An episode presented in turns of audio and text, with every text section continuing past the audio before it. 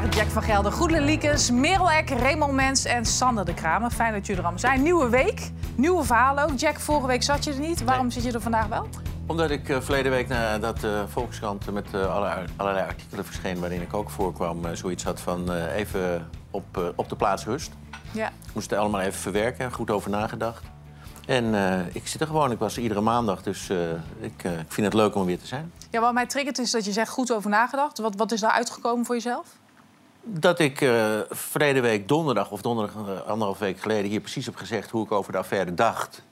En, uh, en wat er is gebeurd en wat er niet is gebeurd. En, en dat is het. En, en verder klaar over uit, wat mij betreft. Heb je Tom gekeken, Tom Egbers, ja. vrijdag? Wat vond je ervan? dat hou ik voor mezelf. ik, vind het, ik vind het moedig dat hij er is gaan zitten.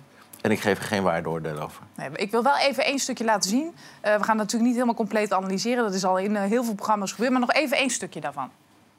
Ik was uh, vorige week donderdag voorlopig voor het laatst op de redactie. Voorlopig. en daar zag ik de, de woede. En die voelde ik bij mensen. En de frustratie. En de, de mate waarin ze zich niet gehoord en gewaardeerd hebben gezien in de afgelopen tijden. Wat, wat voor woede bedoel je? Nou ja, woede over, uh, woede over hoe kan het dat, dat er niets met onze klachten is gedaan. Uh, waarom hebben jullie ons genegeerd? Waarom krijg ik de kans niet om door te groeien? Al dat, dat balde zich samen en dat, uh, dat was eigenlijk iets apocalyptisch. Ja, hij beschrijft uh, de giftige cultuur. Jij hebt voorheen gezegd, nou, ik heb eigenlijk nooit iets gemerkt. Ik kom niet zo vaak op die redactie. Maar als je dit nu zo hoort van Tom, zit daar iets van herkenbaarheid in? Totaal niet. Zoals gezegd, ik kwam nooit op de redactie. Ik deed mijn programma's en we zaten in een aparte hoek... die later Jack's Corner ook is gaan heten. Want dan zat ik met mijn gasten. Zowel voor Studio Voetbal als voor de Champions League. Ik was nooit op de redactie. Ik had niet eens uh, een eigen bureau. Ik heb werkelijk daar nooit iets van gemerkt. Maar ik begrijp dat er heel veel is gebeurd. Dus ik ben heel benieuwd uh, of men verder komt aan anonieme bronnen... en het daadwerkelijk kan aangeven wat er dan ooit gebeurd zou zijn. Maar... dat is het. En uh, daar sluit ik het gewoon mee af. Ik zie het wel uh, verder. Uh, voor de afdeling is het alleen heel vervelend. Ja, jij zegt, ik ja. zie het wel. Er komt natuurlijk nog een onderzoek. Kom zo bij jou, Goedele. Komt nog een onderzoek, of is nu een onderzoek bezig van een extern bureau. Kijk je daar tegenaan? Ik denk dat het alleen maar goed is als alles wat er fout is gegaan... in de loop der tijd wordt, wordt besproken. En dat men er met name heel veel lering uit kan trekken. Ja, ik zit zo te popelen. Ik heb het gevoel dat, dat Jack zich nu moet verantwoorden. En dat, dat draait toch het vermoeden van onschuld om. Nu is het, Jack is schuldig en nu moet hij even uitleggen... oh nee, daarom en daarom en daarom ben ik niet schuldig. En dat is net hetzelfde als wat Ton moet doen. En ik vind het zo erg dat we dit soort zaken... die heel belangrijk zijn voor onze maatschappij... dat we die via de media spelen. Want niemand heeft daar een voordeel aan. Niet de slachtoffers of de mogelijke slachtoffers... en zeker niet de mogelijke daders. Dus laat ons daarmee stoppen om dat in de media te spelen. Echt, alstublieft, dat, dat, dat brengt ons tot niks. Alleen maar slachtoffers. Hoe was voor jou de afgelopen week, Jack? Zwaar. Nou, kijk. Ja. Heb je veel reacties gekregen op straat? Nee, op straat niet. Uh, maar wel gewoon van een heleboel mensen. En, en ook van mensen waarvan je helemaal niet verwacht... Uh, die, die je heel lang niet gesproken hebt... Uh, uit alle lagen van de maatschappij. En, en die, je hebt ook mensen die zeiden van als ik mijn leven beschouw, dan had ik misschien nu 30 jaar vastgezeten, bij wijze van spreken. Mensen zijn wat dat betreft ja, nou, heel meevoelend. En sommige mensen zeggen ook van, uh, hè, god, nou ja, ik heb één, één geval excuses aangeboden... en van de andere heb ik berouw en daar ben ik klaar mee. Dus dit was hem. Heb je Tom maakt... Egbers zelf nog? Heb je, hebben jullie contact onderling nee. hierover? Nee. nee. Maar wat maakte het zwaar voor jou? Nou ja, dat je opeens... Een, een, je ziet een foto van je in de krant over iets wat heel breed, spe breed speelt op een afdeling. En daar, daar is dit voorbeeld totaal niet... Dat past er helemaal niet bij. Je dus herkent je daar niet in? Ik herken me er helemaal niet in. Nee, maar er zijn... Uh, Kijk, maar nu zijn we weer het proces Nee, dat klopt. Dus daarom wil ik het ook afsluiten. Maar uh, daarbij wil ik nog wel even aangeven... er zijn natuurlijk heel veel meldingen geweest. Er wordt onderzoek uh, gedaan. En tot dat onderzoek, tot daar een resultaat mm -hmm. komt... Uh, gaan we daar, uh, daarna op verder. Uh, nog wel even één dingetje. Ik denk dat we het aan tafel allemaal over eens zijn... dat een giftige cultuur, dat er altijd een transitie moet plaatsvinden. Dus wat Tuurlijk. dat betreft is het goed dat er onderzoek wordt gedaan... en dat er iets met die Ja, dat onderzoek over duidelijk, duidelijkheid. Er zijn, de, de, er zijn dus mensen die hebben zich gemeld bij een vertrouwenspersoon... Uh, van de NOS komt er verder geen onderzoek. Mm -hmm. uh, want er werd op een gegeven moment een integriteitsonderzoek. Dat is er verder helemaal niet. Het is bij een vertrouwenspersoon. En wat daaruit voortkomt, als daar voor mensen aangiftes uitkomen... of weet ik veel, dan wordt er wat mee gedaan.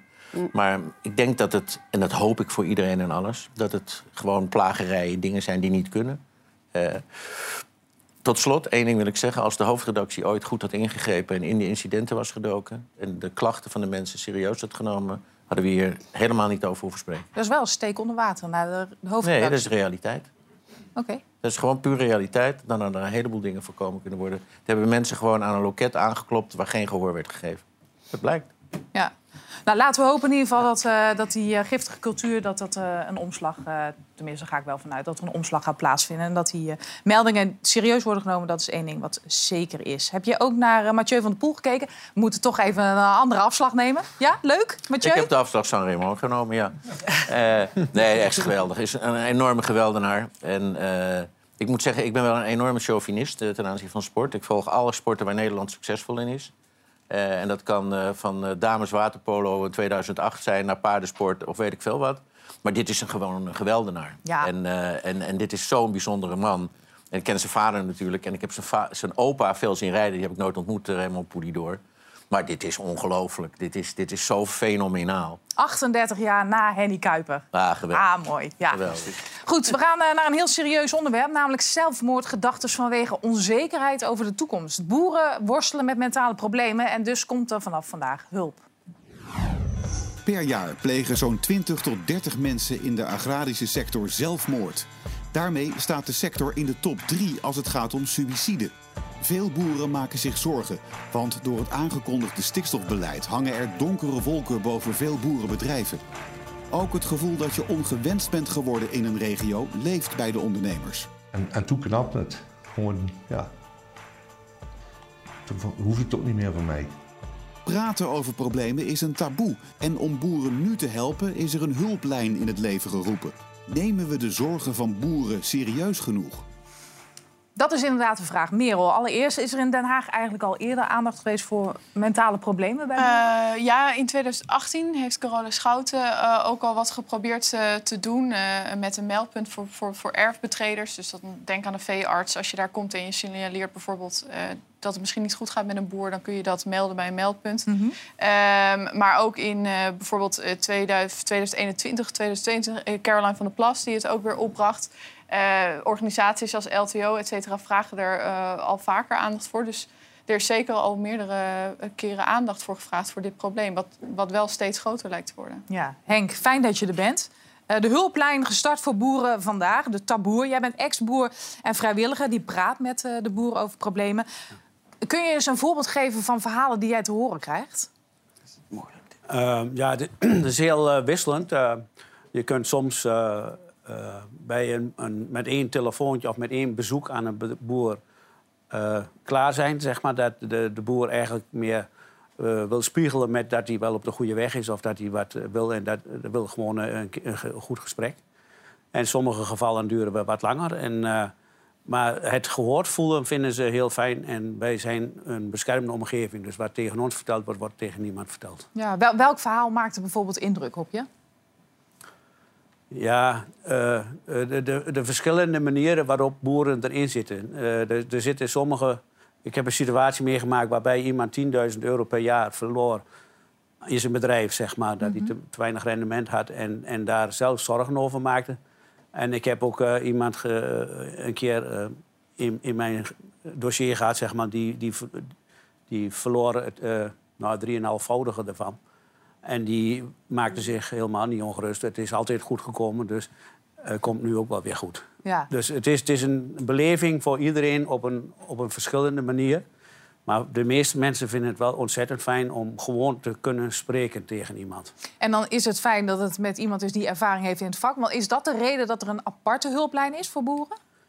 Eh, er was eigenlijk al langer behoefte aan een, eh, een centraal meldpunt. Maar het is eigenlijk niet van de grond gekomen. Maar nu de samenwerking met ZOB, Zorg om Boer en Tuinder... en de LTO, de grootste landbouworganisatie...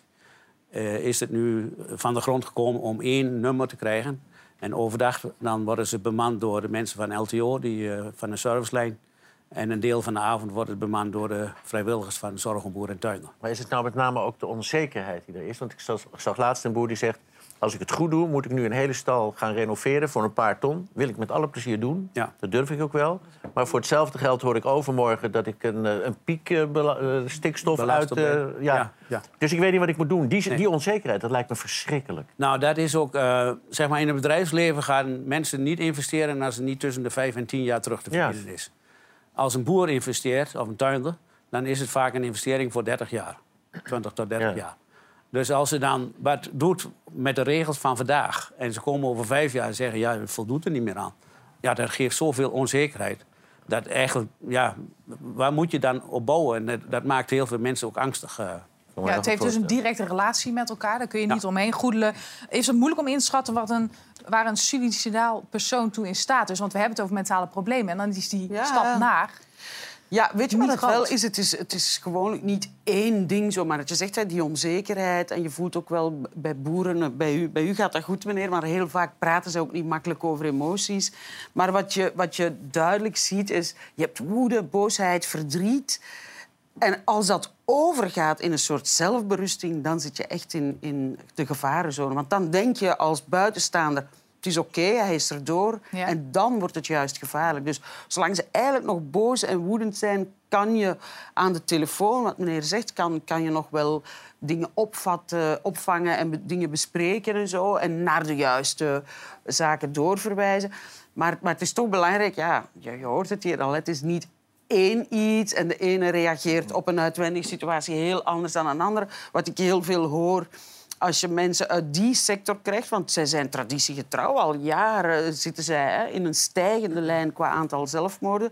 Heel erg telt, misschien is dat voor u, dat je zegt van ja, die familiebedrijven die gaan over van familie op familie, familie. Ben ik dan de laatste zoon of dochter waar het fout loopt? Dat dat heel erg trekt aan je, ja? Ja, ik denk dat het... ehm, de- eh, het ergste is eigenlijk dat je dus gedwongen wordt te stoppen. Eh, de, de, de stoppen per jaar eh, vijf, eh, vijf tot zeven procent van de boeren... op, een nette, op een gewone manier door een keuze te maken van... ik ga niet verder, of ik heb geen opvolger... of ik heb op een andere reden stop ik. Maar nu is het eigenlijk van... ja, de eerste drie regels van mevrouw Van, de Pla- van mevrouw... Van de Wal. van der Wal waren eigenlijk een beetje een, die, die het vuurtje meteen aanstak van jullie moeten met de helft van de boeren verder of de helft van de boeren moeten stoppen Ja. en als ze niet stopt dan gaan we jullie onteigenen. Nou en als je nu ziet dat er eh, ongeveer van eh, de boeren die 55 jaar en ouder zijn die ehm, meer dan 50% geen opvolger hebben. Dus over tien jaar is, ziet dat hele land er alweer heel anders uit. Ga in gesprek, probeer een oplossing te vinden tussen degene die stoppen wil en degene die verder wil. Maar nu is er dus een hulplijn. Maar is dat voldoende? Of moeten er meer maatregelen volgen? Nou, de hulplijn is natuurlijk het eerste contact voor mensen, voor een boer, dat hij denkt van ik wil graag eh, met iemand sparren. En eh, die, die eerste opvang is eigenlijk van, nou ja, aan de telefoon kun je niet zoveel doen, alleen heel goed luisteren. Ja. En dan hebben wij een palet achter ons, zeg maar, aan eh agrocoaches. eh, nou, kader. Een heel kader waar Ja. we naartoe kunnen verwijzen eventueel. Heel goed. Is er veel gebeld tot slot vandaag? Al? Nee, vandaag zijn er nog geen boeren die er gebeld hebben. De pers heeft wel eh, massaal gebeld, heb ik gehoord. Ja. Maar, eh, ja, maar het kan ook een drempel zijn. Er even overheen. En, nou, ja. kijk, het komt natuurlijk gisteravond was voor het eerst in Nieuwsuur. Ja. Eh, vandaag hebben ze het er met de koffie even over. En nou, vandaag krijgt het behoorlijk aandacht weer in de pers. Dus ik denk dat er de komende weken op le- verschillende plekken over gepraat wordt. Dus ik denk dat het eh, de aandacht heeft en het moet even indalen. En dan moeten ze met elkaar even over praten. En dat er daadwerkelijk wat mee gebeurt, hè? dat is natuurlijk het Ja, belangrijkste. dat, is- ja. Goed Goeie. werk. Ja. Dankjewel, Henk. Ben je trouwens een voetballiefhebber? Nee, eigenlijk niet. Helemaal niet. Ja, er zit hier een hele hoop voetballiefhebbers aan tafel. En vooral Feyenoorders die zo ontzettend blij zijn. Want het was natuurlijk een historische week met Feyenoord. 7-1 winnen in Europa. En gisteren, ja hoor, daar is hij na 18 jaar winnen van Ajax in Amsterdam. Het is dé wedstrijd van het seizoen. Ajax-Feyenoord. De nummer 2 tegen de nummer 1. Met een verschil van maar drie punten in het voordeel van Feyenoord. En het wordt een spannend duel.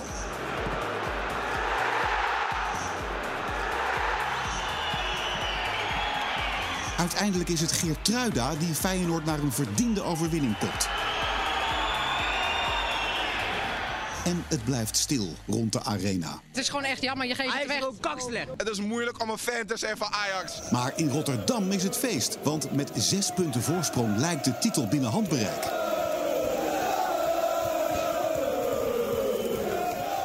Kan Feyenoord het kampioensfeestje plannen? Zo, Sander, stond jij daartussen eigenlijk? Oh, wat, wat is dit toch creatief met die bal. Ongelooflijk. Daar wilde ik even de aandacht op. Stond jij ertussen? Nou, ik eh, zat met eh, een grote fles rode en een grote fles witte wijn eh, thuis lekker te vieren natuurlijk. Hè? Dus laat geworden. Ja, het is laat geworden. Ja. Ja. Hoe heb je het beleefd gisteren? Ehm, een hele intense wedstrijd. En eh, ja, ik heb met een grote glimlach natuurlijk uiteindelijk het eindresultaat gezien. Maar het mooiste vond ik dat ze echt als een team zo goed gespeeld hebben. Het leken wel allemaal vrienden van elkaar. Dat zijn het ook volgens mij. En eh, Arne Slot heeft er gewoon echt een, echt een elftal, echt een team van gesmeed. Die voor elkaar door het vuur gaan. En toen op een gegeven moment de 2-2 viel... Ja. die eerste 20, 25 minuten van de tweede helft... Ja, toen dacht ik van, nou, dat was, echt, dat was zo voetbal van een andere planeet. Hadden dus echt een, de rug tegen de muur. Toen dacht ik van, nou gaat het gebeuren. Dus we hebben in Rotterdam ook een nieuw gezegde. En dat is, in slot we trust. Nou ja, dat is, eh er zit alles in, hè? Je een goede merchandise van maken? trouwens. Ja, Kleine tip van mij. wel, ja. Merel, je had er ook kunnen zitten. Maar ja, je koos voor iets anders. Ja. Ja. Waar heb jij het gezien en hoe heb jij het Eh, beleefd? in, in een huisje samen met mijn vriend. Ik kon het niet maken. Die is nog meer Feyenoorder dan ik. Dus ik kon niet zeggen... hé hey, eh, schat, ik ga eventjes naar eh, de arena, joe. Zonder dat hij mee kon. Eh, dus nee, wij hebben in een huisje zitten kijken. Maar het was uiteindelijk maar goed dat ik niet in de range zat. Want Kom, ik had me echt niet in kunnen Hij houden, had denk ik. stiekem mee kunnen gaan, hè? Want de vrouw van Jiménez Ja, die is ook, gewoon ja, eh, in het stadion. in Ja, cognito ja. eh, gaan zitten. Hoe die daar binnen is gekomen, Nee, hè? Dat ja, moeten we Ik zag wel meer Feyenoorders zitten Ja? in skyboxen en zo. Althans, ik ben er niet geweest, maar ik zag wat beeld. Maar ik denk niet dat ik me in had kunnen houden bij die eh twee, drie Nee, jaar nee, nee, nee. Er zaten inderdaad aan het Feyenoord. Dus Ja. ik zat er een, bijna naast eh, eentje en die zat eh, yes, Ja. heel ingetogen. Ja, ik zag het wel. Ja, Moet je dan maar net kunnen. logisch. Ja, heel goed. Hoe, hoe, eh, hoe vond jij de klassieker? Was het een echte Het was klassieker met alles erop en eraan? klassieker. Ja. Het was een geweldige, met name in de eerste vijf minu- 45 minuten, intense wedstrijd. Hard, fel, fanatiek. eh, er zat alles op en aan. Eh, alleen eh, Feyenoord eh, had zoiets van na de rust, en dat bleek... Ajax kan niet op kracht voetballen. En Ajax werd meegenomen en was misschien de enige manier om te overleven... om in kracht en in felheid mee te gaan. Maar na 45 minuten was het gewoon op. Dat kunnen ze niet. Want het is tikkie-takkie en, en, en dat hebben ze altijd gedaan. De schoonheid van het voetbal.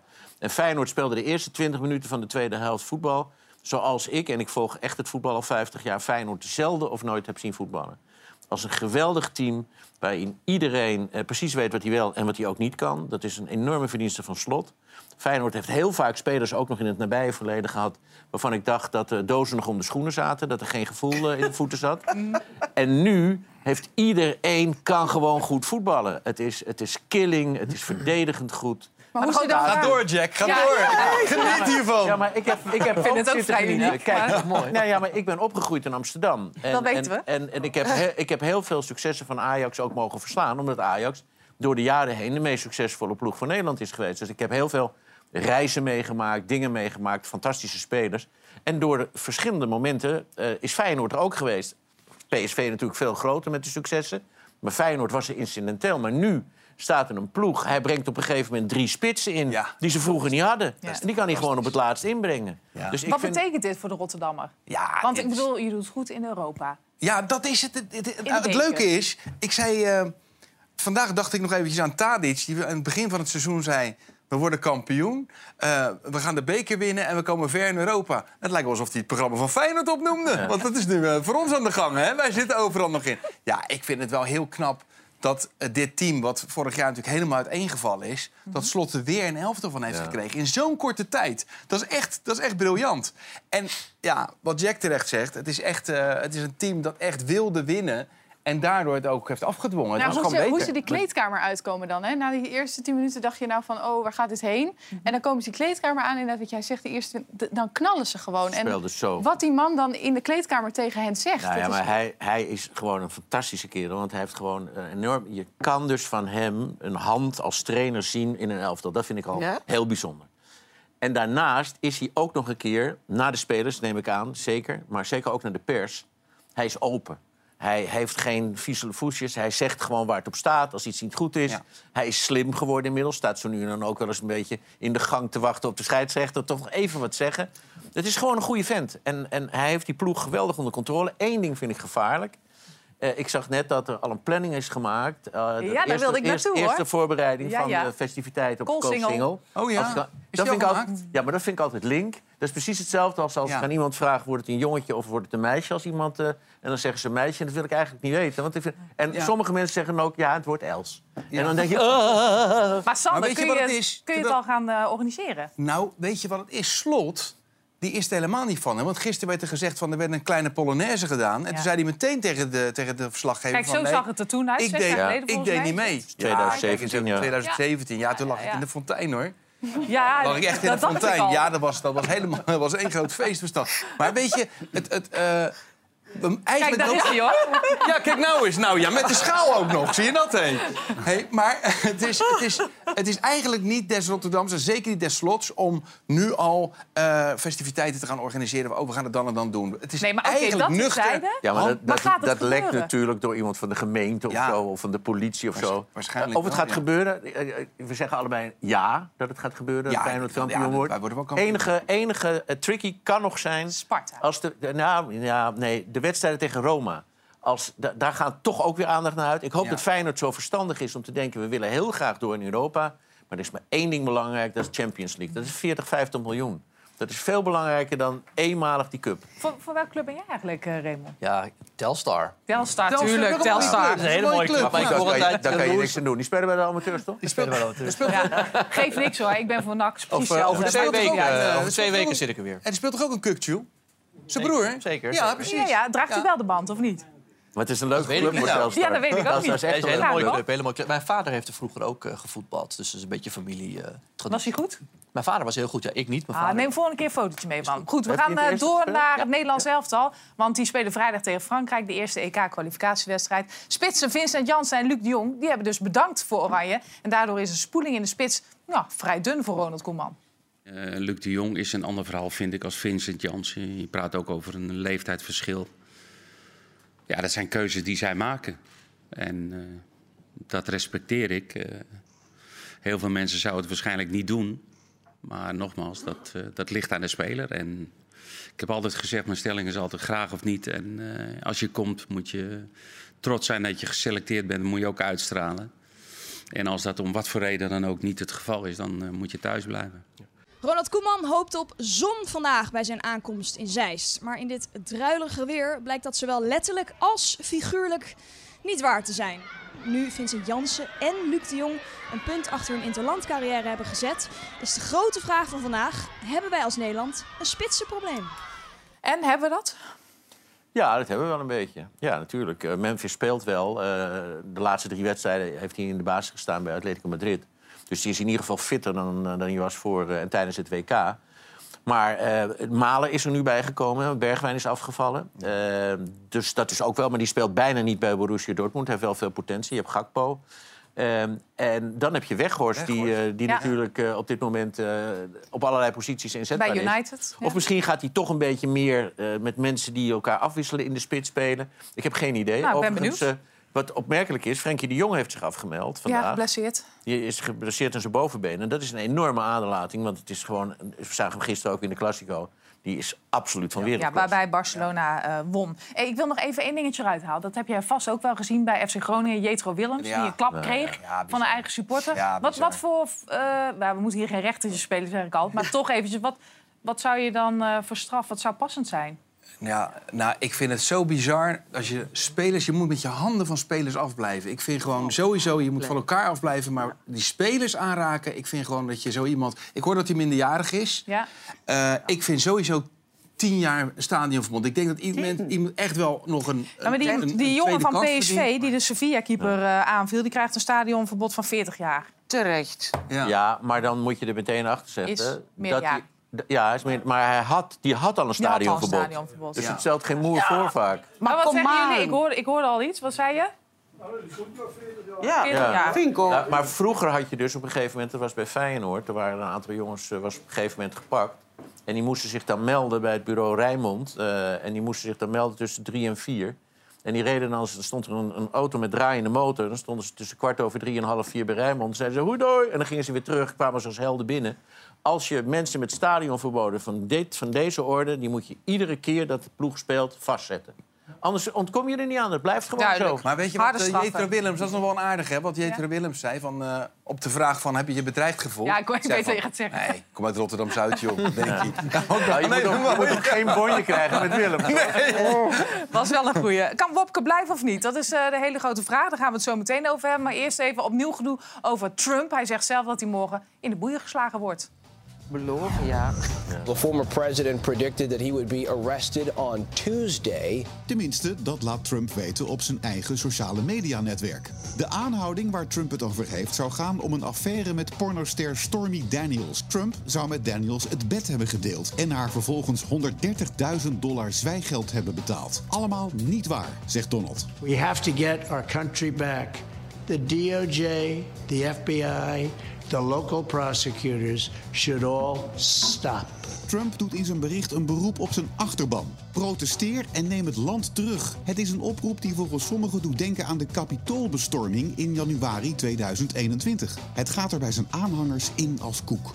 He does not need to go to jail over a bunch of people lying. Leugens of niet, het Openbaar Ministerie in Manhattan wil nog niets zeggen over een eventuele aanhouding. Dus de vraag is: wordt Trump gearresteerd? Nou, hoe reëel is dit, Raymond? Ja, dat weten we niet. Het is lastig. Uiteindelijk is eh, Trump de enige die nu heeft gezegd... er volgt een arrestatie. Maar ik moet er wel bij zeggen... als je de Amerikaanse media een beetje volgt... dan komt dat wel overeen met de berichten. Namelijk dat het, als het om deze zaak gaat, over die Stormy Daniels... dat er één deze dagen, dan wel één deze weken... mogelijk een aanhouding zou volgen. Dus dat Trump het nu specifiek heeft over dinsdag... we weten niet of dat klopt, maar het komt wel overeen met de berichten... dat er een arrestatie plaats zou vinden. En ja, wat hij met dat bericht natuurlijk eh, wil doen... Kijk, Trump zit een beetje in een tweespalt. Aan de ene kant vindt hij een mogelijke aanhouding het vreselijkste wat hem ooit kan overkomen. Want Trump wil graag als winnaar bekend staan. Hè. We hebben allemaal tot en met zijn eh, helikopter en vliegtuig tot gebouwen staan grote gouden letters op met Trump. Ja. Trump is een winnaar. En die weet ook dat die beelden, als hij bijvoorbeeld in de boeien mee wordt genomen... of zijn vingerafdruk moet geven, of er wordt zo'n mugshot Ja, die gemaakt. hebben we, hoor. Ja, Die dan, hebben wordt we dat, eh, dan zijn dat eh, beelden die hem ja, precies, eh, levenslang bijblijven. Daar gruwelt hij van. Tegelijkertijd weet hij ook dat zijn achterban hem volledig steunt... en dit ook extra zuurstof geeft aan zijn campagne. Wat hij kan zeggen, ze zijn bezig met een heksenjacht eh, tegen mij. En vandaar ook dat hij mensen oproept om te komen demonstreren. Ja, en dus eh, wordt er dan meteen een link gelegd naar eh kapitoolbestorming. Ja. Moeten we zoiets verwachten? Ja, je weet het niet. Het zou kunnen, want zijn achterban gelooft hem. Kijk, waar het hier om gaat is... deze mevrouw... kijk, zijn achterban die gelooft ook wel dat hij seks heeft gehad met deze mevrouw. Ja. Zijn achterban gelooft ook wel dat hij deze vrouw zwijggeld heeft betaald om haar af te kopen. Dus in zoverre is er niks eh, aan de hand. Maar wat zegt nu eh, het Openbaar Ministerie in Manhattan? Die zeggen van ja, maar dat had u wel moeten melden. En Trump heeft dat een beetje in de boekjes weggemoffeld als een Maar- soort juridische kosten. Dus je had moeten melden, ik heb eh, zwijggeld betaald aan Stormy Daniels... want ik heb seks met haar gehad. Nou, je moet in ieder geval openbaar melden dat je iemand dat bedrag overmaakt. En niet zeggen, oh, dat zijn juridische kosten. En. Wat had eh, hij dan moeten zeggen? eh, Kamp nou, hij had kunnen zeggen dat het. Want dit is vlak voor de. Kijk, dit, die affaire is geweest 2006. Ja. En eh, de reden dat zij naar buiten daarmee wilde is. Misschien weten we het nog. Vlak voor de verkiezingen van 2016 lekte er een video uit. waarin Trump zei: grab hem bij de pussy. Ja. Toen dacht zij: nu kan ik veel geld krijgen voor mijn verhaal. En toen heeft Trump haar dus 130.000 dollar betaald. En dat zijn dus campagneuitgaven. En dat heeft hij niet gemeld. Maar ik ben met jou eens dat je zegt: ja, hoe moet je het dan eh, noemen? En dat brengt ons ook bij het hele rare van deze zaak. Er hangen Trump ontzettend veel donkere juridische wolken nog boven het hoofd. Ook over 6 januari. Ja. En nu gaan ze zich in New York druk maken om een zaak die dus al tien jaar geleden eh, speelde. eh, met iets waarvan iedereen gelooft dat het ongetwijfeld gebeurd is. Maar omdat het verkeerd in de boeken is geschreven, expres overigens natuurlijk, eh, gaan ze hem daarop aanpakken. Maar dus het is een enorm groot risico om met een, een zaak te doen die een beetje overkomt als klein bier. Mag ik u iets vragen? Want voor mij komt dat los van die zaak en die Stormy Daniels en dat zal allemaal wel. Maar Mhm. wat hij nu doet, is toch echt gewoon intimideren van de rechtsstaat. Ik vind dat zo eng. Je weet, onze minister van Justitie, wij verwachten zoiets van de, de drugsmafia of van terroristen die zeggen. Oh, jij bent de openbare aanklager, ik ga jou aanpakken. Ja. En hij doet dat nu als presidentskandidaat. Onze minister van Justitie die moet onderduiken in een safe house voor dat soort obscure individuen. Maar hier is dat de, de presidentskandidaat. Het is dat bijna toch- aanzetten tot revolutie. Hè? Dat is, Ja, dat nou, is mega gevaarlijk gewoon. Ja, daar zijn twee redenen voor. Eh, de eerste is dat dit past in de campagne van Trump. Dus ja, het is gevaarlijk. Maar eh, Trump is natuurlijk die presidentscampagne gestart. Daar hebben we het eerder over gehad. Omdat hij weet dat deze zaken eraan zitten te komen. Dus Trump wil zichzelf een soort extra schild geven. Een soort veiligheidsschild. Waarin hij zegt: ja, ik ben niet alleen een oud-president. maar misschien ook wel een toekomstig president. Ik doe mee in de verkiezingen. Dus als je me nu aanpakt. eh, dan probeer je die kiezer eigenlijk voor de voeten te lopen. En dat mag niet. Dat is reden één. Reden twee is, en daarom steunen veel partijgenoten hem ook... eh, de openbaar aanklager in New York, dat is een functie die wordt gewoon gekozen. En dat is een democraat. Ja. En die heeft ook gezegd, ik ga Trump aanpakken. En wat zeggen alle republikeinen nu? Die zeggen, nou, eh, als ik in New York eh, drie blokken eh, loop... dan wordt mijn horloge gejat, ga je daar eens druk om maken... en niet de oud-president aanpakken. Dus hij wordt ook gesteund in zijn partij hiermee. Dus het heeft wel degelijk invloed op zijn campagne. Ja, zeker. Dit geeft extra zuurstof aan zijn campagne. eh, omdat het nu de hele dag weer over Trump gaat. Niet alleen hier, maar ook in Amerika. Ja. En iedereen die eigenlijk het stokje van Trump over zou willen nemen bij de Republikeinen... Hè, want die presidentsverkiezingen zijn begonnen... die eigenlijk zeggen van ja, ik ben een soort Trump, maar zonder al die ellende... ja, die komen nu helemaal niet meer aan bod, want het gaat weer volledig Mm. over Trump. Dus Trump ziet het... Aan de ene kant heeft hij het liever niet... Maar als het dan toch gebeurt, dan maakt hij er maar het beste van. En dat is wat hij nu doet, onder andere door zijn achterban op te roepen om te gaan protesteren. En hoe groot is die achterban? Kan je dat inschatten? Wat is natuurlijk Ja, veel gebeurd. Dat, dat is heel groot. Kijk, eh 75 miljoen Amerikanen hebben op hem gestemd bij de vorige verkiezingen. Dus dat zijn de mensen die hem al eh, als politicus steunen. En bij de Republikeinse Partij zegt nu ongeveer 60 procent dat ze ook met hem door willen. Dus met andere woorden, die achterban is enorm. Ja, ik heb, eh, ik krijg door dat we wat beelden hebben Ja. eh, van protesten. Even kijken hoe dat eraan toe gaat. Dat is ook nog niet gezien. Ja, wat je hier ziet is de politie in New York... eh, die bij een aantal gebouwen alvast wat veiligheidsdranghekken Ja. plaatst. Dus eh, met andere woorden, dat zou erop kunnen duiden... Dat, eh, de, ja, dat ze verwachten dat die arrestatie ook daadwerkelijk komt... en dat ze daardoor ook een demonstratie verwachten. Dus ze bereiden zich voor. Dat zouden deze beelden kunnen laten zien. Ik dacht dat het de voorbereidingen waren voor het kampioensfeest bij ons. Dat zou ja. Nou, dat zal er, Dus dat zal er net zo ruiken. Veel te, wei- Single. veel te weinig hekken, joh. Zometeen dan gaan we het hebben over eh, Bob Hoekstra. En de CDA is eigenlijk nog wel houdbaar. En de, alles over de strijd binnen team Red Bull bij de Formule 1. En hoeveel geld hebben jullie over voor een kaartje voor Barack Obama? Tot zo.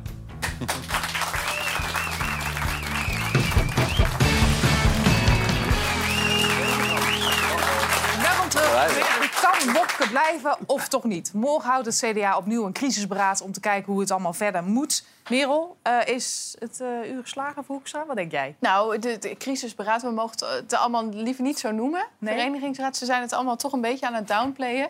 Uh, theekrantje dan? Theekrantje, verenigingsraad, maar dan nu fysiek. Maar, Vergadering eh, die al heel lang gepland stond. ja, nee, nee, nee. Ze Dat hebben niet. het wel vorige week, na de digitale bijeenkomst die ze vorige week al hadden, hebben ze dit nu gepland.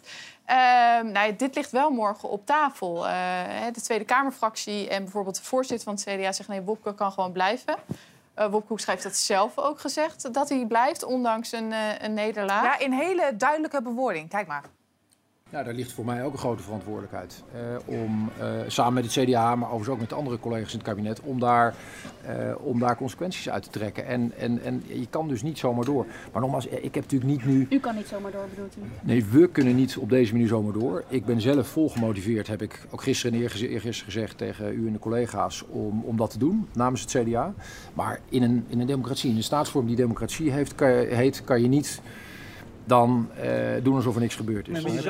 Nee, wat zegt hij nou eigenlijk precies? Er er was mijn collega Hanna Warnar die hier even een eh, hele scherpe opmerking eh, naar hem maakt. Nou, wat hij hier zegt is eigenlijk gewoon gebaseerd op de uitslag eh, zoals we hem hebben gezien vorige week. Kunnen we niet zomaar start doorgaan nu. Dus er moet beweging komen in dat stikstofbeleid. Ja, dat zijn altijd van die containerbegrippen. Er moet iets veranderen. We moeten het anders Ja, doen. nou, zij zeggen nu, zij willen nu, nu ook echt kijken naar die 2030. Moet je dat misschien niet toch 2035 eh, eh, houden, zoals het nu in de wet staat? En moeten we toch niet gaan kijken naar dat onteigenen, verplicht onteigenen van de boeren? Of we daar misschien toch eh, van af moeten zien. Eh, maar dat zal betekenen dat D66 moet gaan bewegen. Wat ze voor, vooralsnog niet willen doen. Want het, hiermee breek je eigenlijk gewoon het coalitieakkoord... wat je anderhalf jaar geleden met elkaar hebt besloten open. Dus dat wordt nog heel spannend. En er zijn mensen die wel zeggen... Wopke Hoekstra is niet meer de man die het CDA kan redden. Wie wel? Eh, nou ja, de Tweede Kamerfractie heeft dat dus nu gezegd. De Ja, maar voorzitter. wie, wie zou, als hij dat niet meer doet, wie zou dat dan moeten worden? Ja, en dat is een hele goede vraag. Moet je dan tussentijds misschien een, een interim eh, fractievoorzitter... Hè, want eh, Pieter Heerma, die er nu zit... daar zijn mensen ook niet per se van overtuigd... dat dat degene is die het CDA er bovenop Ik kan weet niet of helpen. je het wil, maar ik vind Dirk Boswijk wel een goeie. Ja, Maar waarom die- vind je dat een goeie? Eh, omdat die ehm, met name in het stikstofdebat eh, probeert om het zo goed mogelijk te regelen voor zijn achterban. Dus hij zegt van eh, ja, we hebben die afspraken gemaakt. Ik wil er liever ook onderuit, zeker na deze uitslag. Maar hij loopt ook niet weg voor het feit dat er wel iets moet gebeuren. En hij geeft een heel reëel verhaal. Hij is trouwens ook verantwoordelijk voor het hele Oekraïne-dossier. Dus op beide dossiers is hij heel uitgesproken. Zo iemand zou misschien die kar weer kunnen trekken. Want kijk, het, het lastige is natuurlijk, denk ik... eh, het CDA zit in een existentiële crisis. Hè. Waar staan we als partij nog eh, voor? En, en dat eh, is niet alleen... Kijk, als, als, als leider ben je ook er voor de verkoop. Dus je moet die partij een beetje smoel geven. Maar het gaat nu ook echt ergens over. Namelijk over die hele grote achterban van die club. En als je dan in de problemen zit zoals het CDA zit... en jij bent zelf verantwoordelijk voor al die problemen... maar je bent als minister ook nog eens heel vaak in het buitenland... ja, dan lijkt me dat een lastige opgave. Dus dan zul je moeten kiezen. Of ik wil die partij leiden... of ik blijf Nou, minister van Buitenlandse dat Zaken. is nu ook een vraag. Moet hij niet uit het kabinet stappen als minister... en terug naar, naar de Tweede Kamer, fractievoorzitter? Hij werd net getiteld eh, hè, leider CDA, maar ook minister van Buitenlandse Zaken. Wat op zich al een heel ingewikkelde combinatie. Dat, ik denk dat ze misschien, eh, als er ooit weer Tweede Kamerverkiezingen komen, nu of eh, later, dat ze dat eh, misschien eh, nooit meer zullen doen. Nee. Want we zien allemaal hoe lastig het is als je als partijleider ook minister bent. Want dan krijg, kun je geen kleur op de wangen Ja. krijgen. En als je dat wel doet, dan ga je weer tegen kabinetsbeleid in. En maar morgen ligt op tafel, kan Wopke Hoekstra nog, nog aanblijven als leider? Nou, een groot deel van, de, van de, in ieder geval de fractie en het bestuur zegt dus van wel. Maar er zijn in de provincies en ook partijprominenten die zeggen... nou, we weten het nog Jij niet. ook, hij geeft toch geen smoel aan? Nee, hij geeft toch geen smoel aan zo'n Jij bent- partij? jij bent geen fan, hè, van Nee, ik ben geen fan. Weet je wat het was toen hij op een gegeven moment had geïnvesteerd in de Britse Maagdeneilanden? Had hij daar zo'n brievenbusfirma. En daar investeerde hij in. En toen, een week voordat hij minister werd, heeft hij dat dan eh, van de hand gedaan. En toen dacht ik bij mezelf, jij bent een glupo, dacht ik toen. glupo? Ja, dat zeggen wij in Rotterdam, zeggen Ja, we ik dan. ben je een glupo. Ja. Weet je, echt uh, zo Maar, een maar bal. is het niet veel essentiëler in de discussie of eh, het CDA luistert naar de achterban? Ja. Of, of in de coalitie wil, of ze wel of niet in de coalitie Nou, willen blijven. Is dat niet de discrepantie? Als ze naar de achterban luisteren, denk ik dat ze op een gegeven moment moeten zeggen... toedelelogie Nou, 2035. dat ligt er dus aan of D66 gaat bewegen. Als D66 niet meer gaat bewegen... en zij D66 krijgen gaat niet bewegen. En zij krijgen... Nou, maar dat is... Anders Jack. Nee, maar dat is de vraag. Nee, maar Jack, dat is de vraag. Want Ik als raad het... ze aan om niet te bewegen. Nee, maar als het CDA de stekker eruit trekt... dan eh, gaat D66 krijgt ook eh, lang niet zoveel zetels als dat ze nu hebben. En dan hebben ze lang niet meer het klimaatbeleid... wat ze nu wel voor elkaar hebben gekregen. Dus zij hebben ook een belang bij dit kabinet stand houden. Mhm. Dus als zij wel gaan bewegen... dan zou CDA nog kunnen zeggen... we hebben naar de achterman geluisterd. En we doen het. We doen water bij de wijn. Maar als dat niet gebeurt inderdaad... dan ligt meer dan ooit de vraag op tafel... kunnen wij nog in dit kabinet blijven zitten? Jongens, Tom zit al de hele tijd te wachten Ja. totdat we nou eens eindelijk over Nou ja, ja, dat klopt. Formule 1 gaan hebben. Door een slechte kwalificatie moest. Max Verstappen... Oh, dat is Tim, sorry. sorry, Tim. Vandaag niet. ik ben zelf van een drieling, Tom, dus ik weet heus wel Oh, verschil. Tam dan, ook goed. Anyway, ehm, eh, we gaan het dus over Max Verstappen hebben. Door een slechte kwalificatie moest hij eh, starten vanaf plek 15. Vocht zich naar voren. En dat leverde uiteindelijk een spannende strijd op... met de concurrent, zijn eigen teamgenoot. Zijn we vertrokken en dan is de best goede start door voor Fernando Alonso. Aston Martin aan de leiding. Alonso, penalty voor de leider in de wedstrijd. En hier is Perez. Perez aan de binnenkant en daar heel makkelijk zeg.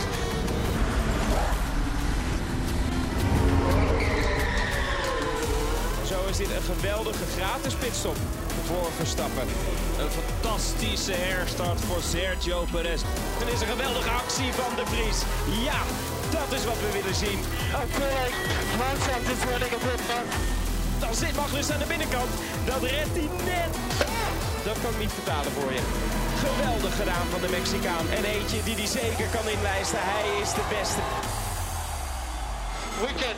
Kan de concurrentie binnen Team Red Bull Max de titel kosten? Ja, van plek 15 naar plek 2 in 30 rondes. Hoe bijzonder is dat? Ja, nou ja, eh, liefst P1. Want dan had hij het record van Spa-Francorchamps van vorig Ja. jaar verbroken. Van Ja. plek 14. Het is één keer voorgekomen van plek 15 naar plek 1. Dat was de crashgate met Fernando Alonso. Toen zijn teamgenoot Express was gecrashed in. Singapore. Een eh, hele grote rel geweest. Ja, het was even jammer. Hij kwam een klein beetje klem te zitten. Maar weet je...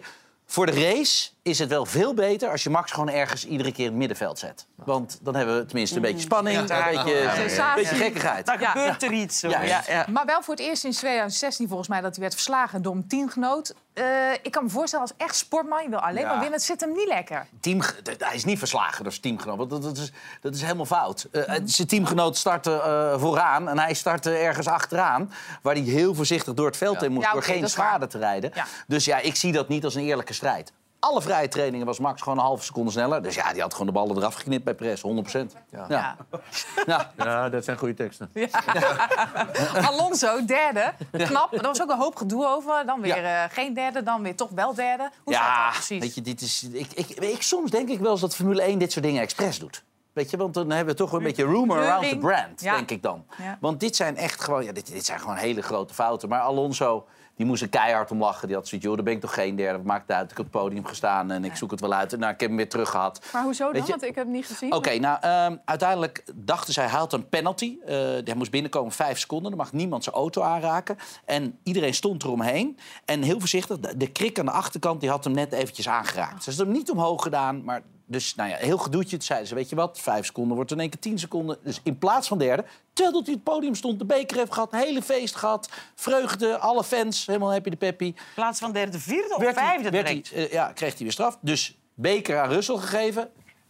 Ook weer foto's van gemaakt. Nou, Russell, jij bent derde. En weer teruggedraaid. Ja, weet je. Dus vanochtend werd je wakker. Ja, misschien is mor- Max morgen wel gewonnen. Ja, k- kijk maar even. Kijk maar even hoe het loopt. Nick de Vries eh, moeten we natuurlijk ook wel eventjes aandacht aan besteden. Zeker. Tweede Nederlander Ja. in, eh, in de Formule 1. Hoe heeft hij het gedaan? Ja, Nick, weet je, ik, ik moet wel kritisch zijn. Ehm, maar je moet hem ook een aantal races geven. Eh, en en dat, dat is wel nu het geval. Hij moet even de swing van een raceweekend pakken. Hij is 10 seconden achter zijn teamgenoot gefinished. Dat is geen pannenkoek, dat is een serieus snelle jongen.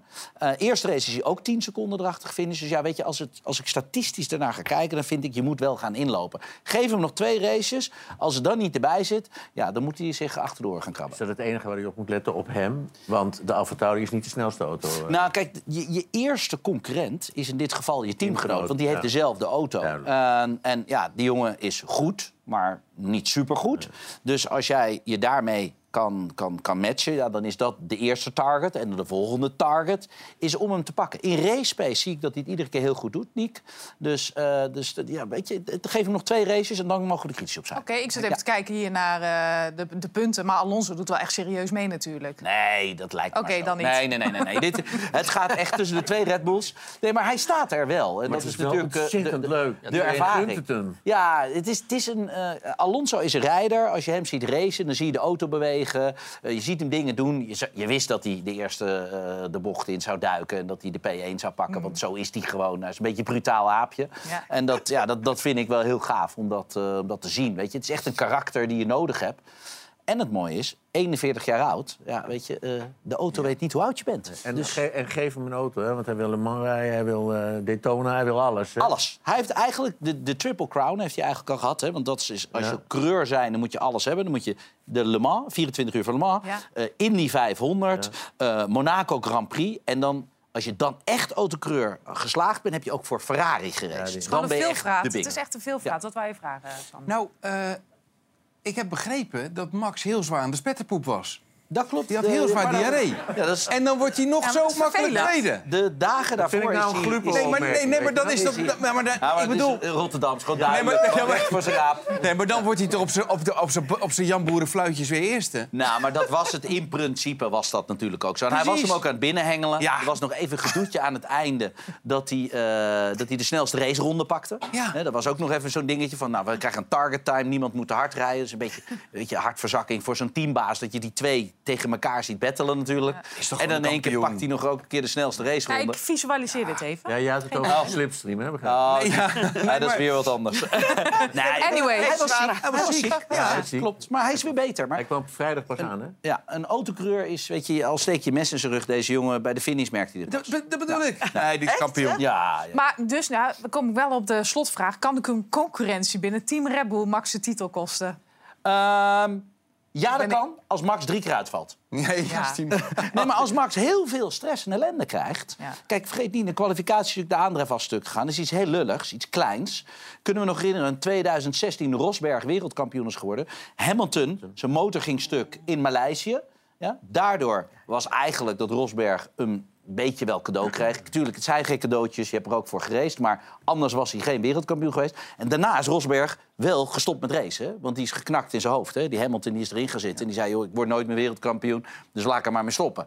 Want dat is natuurlijk wat, wat er gebeurt. Dus het Maar- kan maar- nog misgaan. Maar Nee, kunnen, niet. maar, maar kunnen de orders op een gegeven moment... zou Red Bull toch zeggen... ja jongens, eh, we gaan voor de een of voor de ander... of laten ze het gewoon los tot race eh, de Nou ja, 21? Weet je, kijk, ten eerste moet je Max nog weten te verslaan. Ja. En Max kennende, en weet je, ja, ik mag het niet zeggen, maar ik ga het wel lekker wel zeggen. Joh, trek gewoon lekker die plug eruit. En ik heb jullie niet verstaan, maar ik heb gewonnen. Daar word ik toch voor betaald? Dat is toch wat je wil, Team Maas? Nee, maar dat is gewoon wat je goed. doet. Jongens, eh Raymond, weet je wat dit is? Oh, dat vraag je aan mij. Nee, ik heb geen idee wat dat is. Nee? Nee. Goedele, help hem even. Ja, dat is mijn clitoris terug. Oh, jouw clitoris. Ja, en dan hoort dit ook nog bij. Eh Merel dacht dat dit mijn beugel was, dus die heeft er ook niet heel veel eh, beugel? kaas van gegeten. Oh, ik denk dat is een een of andere alleen of zo, dat dingetje. Dat hoort nog bij. Want waarom hebben we die clitoris precies eh, bij ons, Goede? Ja, omdat het de week van de lentekriebels is. En dat is een week waar we speciale aandacht geven aan seksuele opvoeding op scholen. Ja. En nu hebben ze dit jaar bij Rutgers hebben ze eh, 500 van die clitorismodellen. Dat is een 3D-model. Dus trouwens op schaal, want het kan groter zijn. Oh. Hebben ze- Hij, hij- hij zit dus overal. Ik dacht dat hij alleen daar zat. Kijk, maar hier hebben we Jack iemand wordt die nu een beetje meteen... verlegen trouwens ook. Nee hoor, we hebben iemand die meteen de essentie heeft begrepen. Eigenlijk is dat een... eh, ja, is dat een-. Ja. Want, eh, waar het over gaat, is dit is het stukje dat je aan de buitenkant ziet. Dat kleine... Ja, eigenlijk is dat zoals Knopje. de eikel. En, dan, De deurbel, en de rest zijn... De deurbel.